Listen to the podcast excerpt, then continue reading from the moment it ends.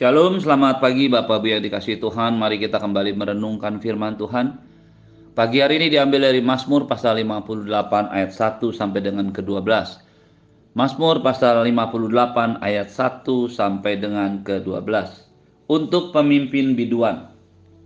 Menurut lagu Jangan Memusnahkan, Miktam dari Daud. Sungguhkah kamu memberi keputusan yang adil hai para penguasa? Apakah kamu hakimi anak-anak manusia dengan jujur? Malah sesuai dengan niatmu, kamu melakukan kejahatan. Tanganmu menjalankan kekerasan di bumi. Sejak lahir orang-orang fasik telah menyimpang. Sejak dari kandungan pendusta-pendusta telah sesat. Bisa mereka serupa bisa ular. Mereka seperti ular tedung, tuli yang menutup telinganya yang tidak mendengarkan suara tukang-tukang serapah atau suara pembaca mantra yang pandai. Ya Allah, hancurkanlah gigi mereka dalam mulutnya. Patahkanlah gigi geligi singa-singa muda ya Tuhan. Biarlah mereka hilang seperti air yang mengalir lenyap. Biarlah mereka menjadi layu seperti rumput di jalan. Biarlah mereka seperti siput yang menjadi lendir seperti guguran perempuan yang tidak melihat matahari sebelum periuk-periukmu merasakan api semak duri. Telah dilandanya, baik yang hidup segar maupun yang hangus. Orang benar itu akan bersuka cita, sebab ia memandang pembalasan. Ia akan membasuh kakinya dalam darah orang fasik. Dan orang akan berkata sesungguhnya ada pahala bagi orang benar. Sesungguhnya ada Allah yang memberi keadilan di bumi. Bapak Ibu yang dikasih Tuhan, Mazmur 58 adalah Mazmur yang merupakan sebuah lagu atau syair lagu dari kumpulan lagu yang berjudul Jangan Memusnahkan. Mazmur 58 adalah satu dari beberapa Mazmur yang merupakan bagian dari kumpulan lagu Jangan Memusnahkan. Beberapa penafsir Alkitab menyatakan bahwa lagu Jangan Memusnahkan adalah lagu yang ditulis atau diciptakan oleh Daud ketika dia mengalami masa-masa yang sulit. Ketika dia dikejar, diuber, dan dicoba untuk dibunuh oleh Saul. Ketika dia mengalami masa-masa di mana dia harus melarikan diri, lari dan bersembunyi untuk tidak dimusnahkan oleh musuh-musuhnya dalam hal ini adalah Saul. Tetapi beberapa penafsir Alkitab lain juga menyatakan bahwa lagu Jangan Memusnahkan bukan hanya bercerita tentang Daud ketika dia mengalami masa-masa yang sulit ketika dikejar oleh Saul. Tetapi menjadi sebuah perenungan dari Daud ketika dia diangkat menjadi raja setelah dilantik di Hebron. Dengan pengalaman hidup yang sudah dialaminya, baik ketika sedang mengalami hal-hal yang menyenangkan dalam pertempuran maupun hal-hal yang menyedihkan ketika dia difitnah dan bahkan coba dibunuh oleh musuhnya. Ketika Daud menjadi raja, dia menuliskan semua pengalamannya, termasuk ketika dia sedang dikejar. Dan itu menjadi sebuah peringatan baginya. Untuk kita ketahui sebagai raja Israel, Daud sekaligus menjadi pemimpin bagi seluruh orang Israel dan hakim atas setiap perkara-perkara mereka. Keputusan raja akan menentukan hidup matinya rakyat atau orang-orang yang ada di dalam kerajaan. Itu sebabnya mengapa Daud begitu mempelajari dan belajar bagaimana menjadi seorang hakim yang adil. Inilah yang mendasari ayat-ayat tulisannya di dalam ayat yang kedua dan ketiga. Sungguhkah kamu memberi keputusan yang adil, hai para penguasa? Apakah kamu hakimi anak-anak manusia dengan jujur? Malah sesuai dengan niatmu, kamu melakukan kejahatan, tanganmu menjalankan kekerasan di bumi. Bapak Ibu yang dikasih Tuhan, Daud ingin menyatakan bahwa sebagai penguasa yang akan menghakimi, menilai, dan sekaligus memimpin umat yang ada dalam kerajaannya, rakyat, penduduk yang ada dalam kerajaannya. Maka seorang penguasa dia harus berhati-hati ketika dia mengambil keputusan. Dia harus belajar dari Tuhan untuk bersikap adil. Dia belajar dari Tuhan untuk menghakimi dengan jujur. Mengapa Daud perlu menyatakan ini? Bisa jadi karena dia melihat keputusan yang diambil oleh Raja Saul terhadap dirinya adalah keputusan yang lalim, yang tidak memperhitungkan semua yang sudah dikerjakan Daud, yang tidak memperhitungkan kesetiaan Daud kepada Saul. Ketika akhirnya vonis itu dibuat oleh Saul untuk coba menangkap bahkan membunuh Daud, maka Daud merasakan keputusan hasil dari sebuah keputusan yang salah, yang tidak adil dan tidak jujur. Malah sesuai dengan niatmu, kamu melakukan kejahatan.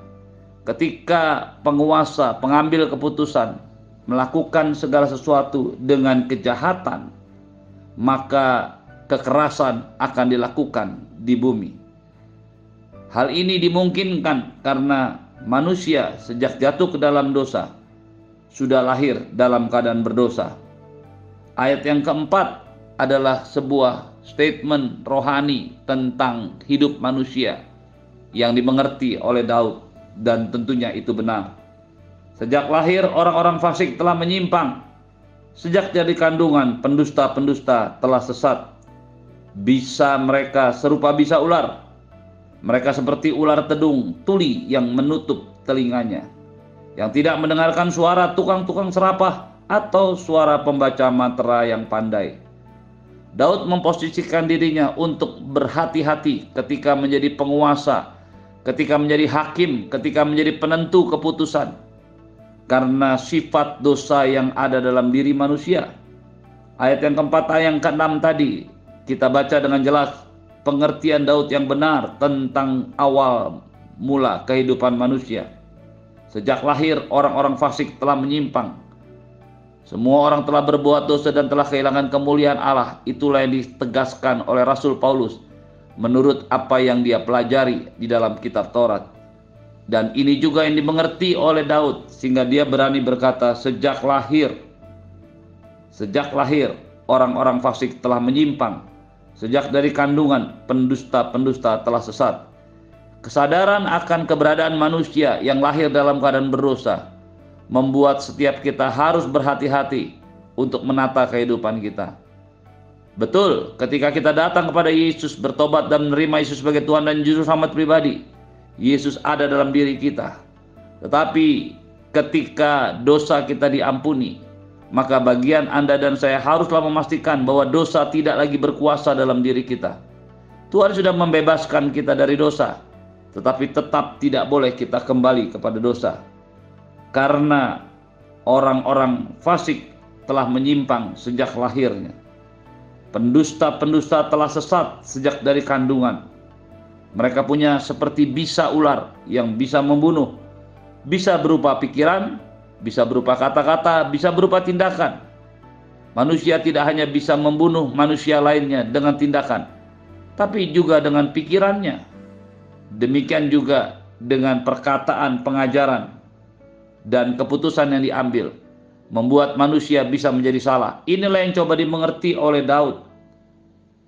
Ketika akhirnya dia berdoa kepada Tuhan, "Ya Allah, hancurkanlah gigi-gigi mereka dalam mulut, pecahkanlah, maaf, patahkanlah gigi-gigi singa-singa muda.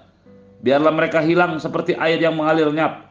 Biarlah mereka menjadi layu seperti rumput di jalan." Biarlah mereka seperti siput yang menjadi lendir, seperti guguran perempuan yang tidak melihat matahari. Apa yang dikatakan oleh Daud itu menggambarkan ketika orang berdosa dengan kesombongan yang dimilikinya, tetap tidak mencari Tuhan, tetap tidak berseru kepada Tuhan, tidak datang kepada Tuhan, tidak menyembah Tuhan, maka kesesatan, kesalahan yang merupakan warisan masa lalu akan terus ada dalam dirinya. Itu sebabnya Daud mengatakan hancurkanlah gigi mereka dalam mulutnya. Dia meminta Tuhan untuk menghancurkan setiap bentuk sifat dosa, kekerasan dan kesombongan hati. Patahkanlah gigi geligi singa-singa muda. Gigi geligi adalah gigi yang mencabik-cabik, yang merobek-robek. Yang menjadi dasar dari kekuatan seekor singa. Inilah yang harus dipatahkan dalam diri manusia kekuatan, keterampilan, kesombongan, keyakinan bahwa dirinya adalah orang yang layak untuk mengerjakan dan berdiri, maka itu akan membawa dia berhadapan dengan Tuhan. Dan Tuhanlah yang akan mematikan gigi-gigi geligi. Tuhan yang akan menghancurkan, mematahkan gigi-gigi geligi singa-singa muda. Ketika singa-singa muda tidak lagi punya kemampuan untuk menggigit, maka dia tidak punya kekuatan apalagi untuk bisa melawan kita pastikan Anda dan saya adalah orang-orang yang menyadari kita adalah orang berdosa. Kita akui hidup kita berasal dari dosa. Dilahirkan dalam keadaan berdosa. Sifat-sifat dosa menguasai hidup kita.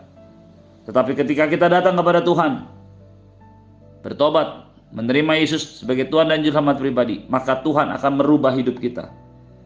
Inilah yang dikatakan oleh Daud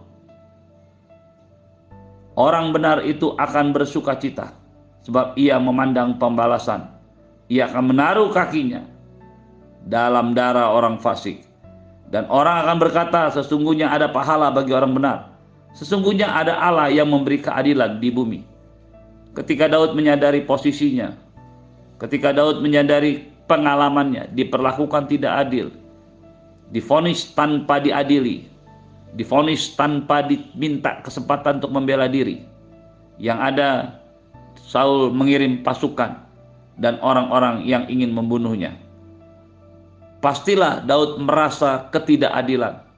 Pastilah Daud merasa kecewa mengapa dia harus mengalami itu. Bersyukur kepada Tuhan bahwa Tuhan ada di balik semua peristiwa. Mereka yang merencanakan yang jahat kepada kita sekalipun satu kali akan berhadapan dengan Tuhan. Kita yang tidak mencari Allah kalau masih ada, satu kali akan berhadapan dengan Tuhan. Satu kali Tuhan akan menjamah. Tuhan akan berbicara kepada kita. Inilah yang dikatakan oleh pemazmur dalam ayat yang ke-9. Biarlah mereka menjadi siput seperti siput yang menjadi lendir, seperti guguran perempuan yang tidak melihat matahari sebelum periuk-periukmu merasakan api semak duri. Telah dilandanya baik yang hidup segar maupun yang hangus. Orang benar itu akan bersuka cita sebab ia memandang pembalasan. Ketika kita diperlakukan tidak adil, ketika kita mengalami situasi-situasi seperti Daud, dihianati, ditinggal, dan bahkan orang mencoba membunuhnya, yang dilakukan Daud hanyalah satu, mengucap syukur untuk setiap kesempatan yang Tuhan berikan bersuka cita. Orang benar itu akan bersuka cita, sebab ia memandang pembalasan, ia akan membasuh kakinya dalam orang-orang fasik. Dia memandang kepada pembalasan, dan pembalasan itu berasal dari Tuhan. Ketika jalan-jalan hidup Anda dan saya adalah jalan-jalan yang terjal, berbelok-belok, dan curam, pastikan kita selalu berjalan bersama-sama dengan Tuhan yang adalah juru selamat kita. Ketika Anda dan saya berada dalam posisi pengambil keputusan, pengambil kebijakan, ingatlah ada orang-orang yang tidak terlalu memahami apa yang terjadi dan kita tetap harus berlaku adil dan jujur kepada mereka. Sebagai pengambil keputusan dalam pekerjaan, dalam rumah tangga, dalam bisnis, pastikan semua keputusan yang kita ambil adalah keputusan Tuhan bersama-sama dengan kita dalam keadilan. Orang benar akan bersuka cita karena pembelaan Tuhan. Keadilannya dinyatakan. Percayalah akan selalu ada kesempatan bagi Tuhan untuk mengampuni, memulihkan, serta mengembalikan kita kepada rencananya. Percayalah ada pahala bagi orang benar dan Allah memberi keadilan di bumi. Allah kita adalah ada yang adil, menciptakan segala sesuatu untuk keadilan Masakan mungkin dia tidak menolong kita hari ini ketika kita berjalan bersama-sama dengan dia. Ketika Tuhan telah menolong kita melewati masa-masa yang sulit dalam hidup kita. Masakan Tuhan tidak menolong kita untuk melakukan hal yang sama. Pagi hari ini datanglah kepada Tuhan. Benar-benar bersuka cita. Lalu kemudian mengikut Tuhan dengan sepenuh hati. Ada pahala bagi orang benar. Allah memberi keadilan di bumi ketika Anda dan saya mengambil sebuah keputusan untuk kembali bersama-sama dengan Tuhan menata kehidupan ini. Maka kita sedang menyiapkan diri kita untuk mengalami mujizat Tuhan yang dahsyat sepanjang tahun ini. Terimalah berkat yang berlimpah dari Bapa di surga, cinta kasih dari Tuhan Yesus, penyertaan yang sempurna dari Roh Kudus, menyertai hidupmu hari ini dan sampai selama-lamanya di dalam nama Tuhan Yesus semua yang percaya katakan amin. Shalom, selamat pagi, selamat beraktivitas. Tuhan Yesus memberkati.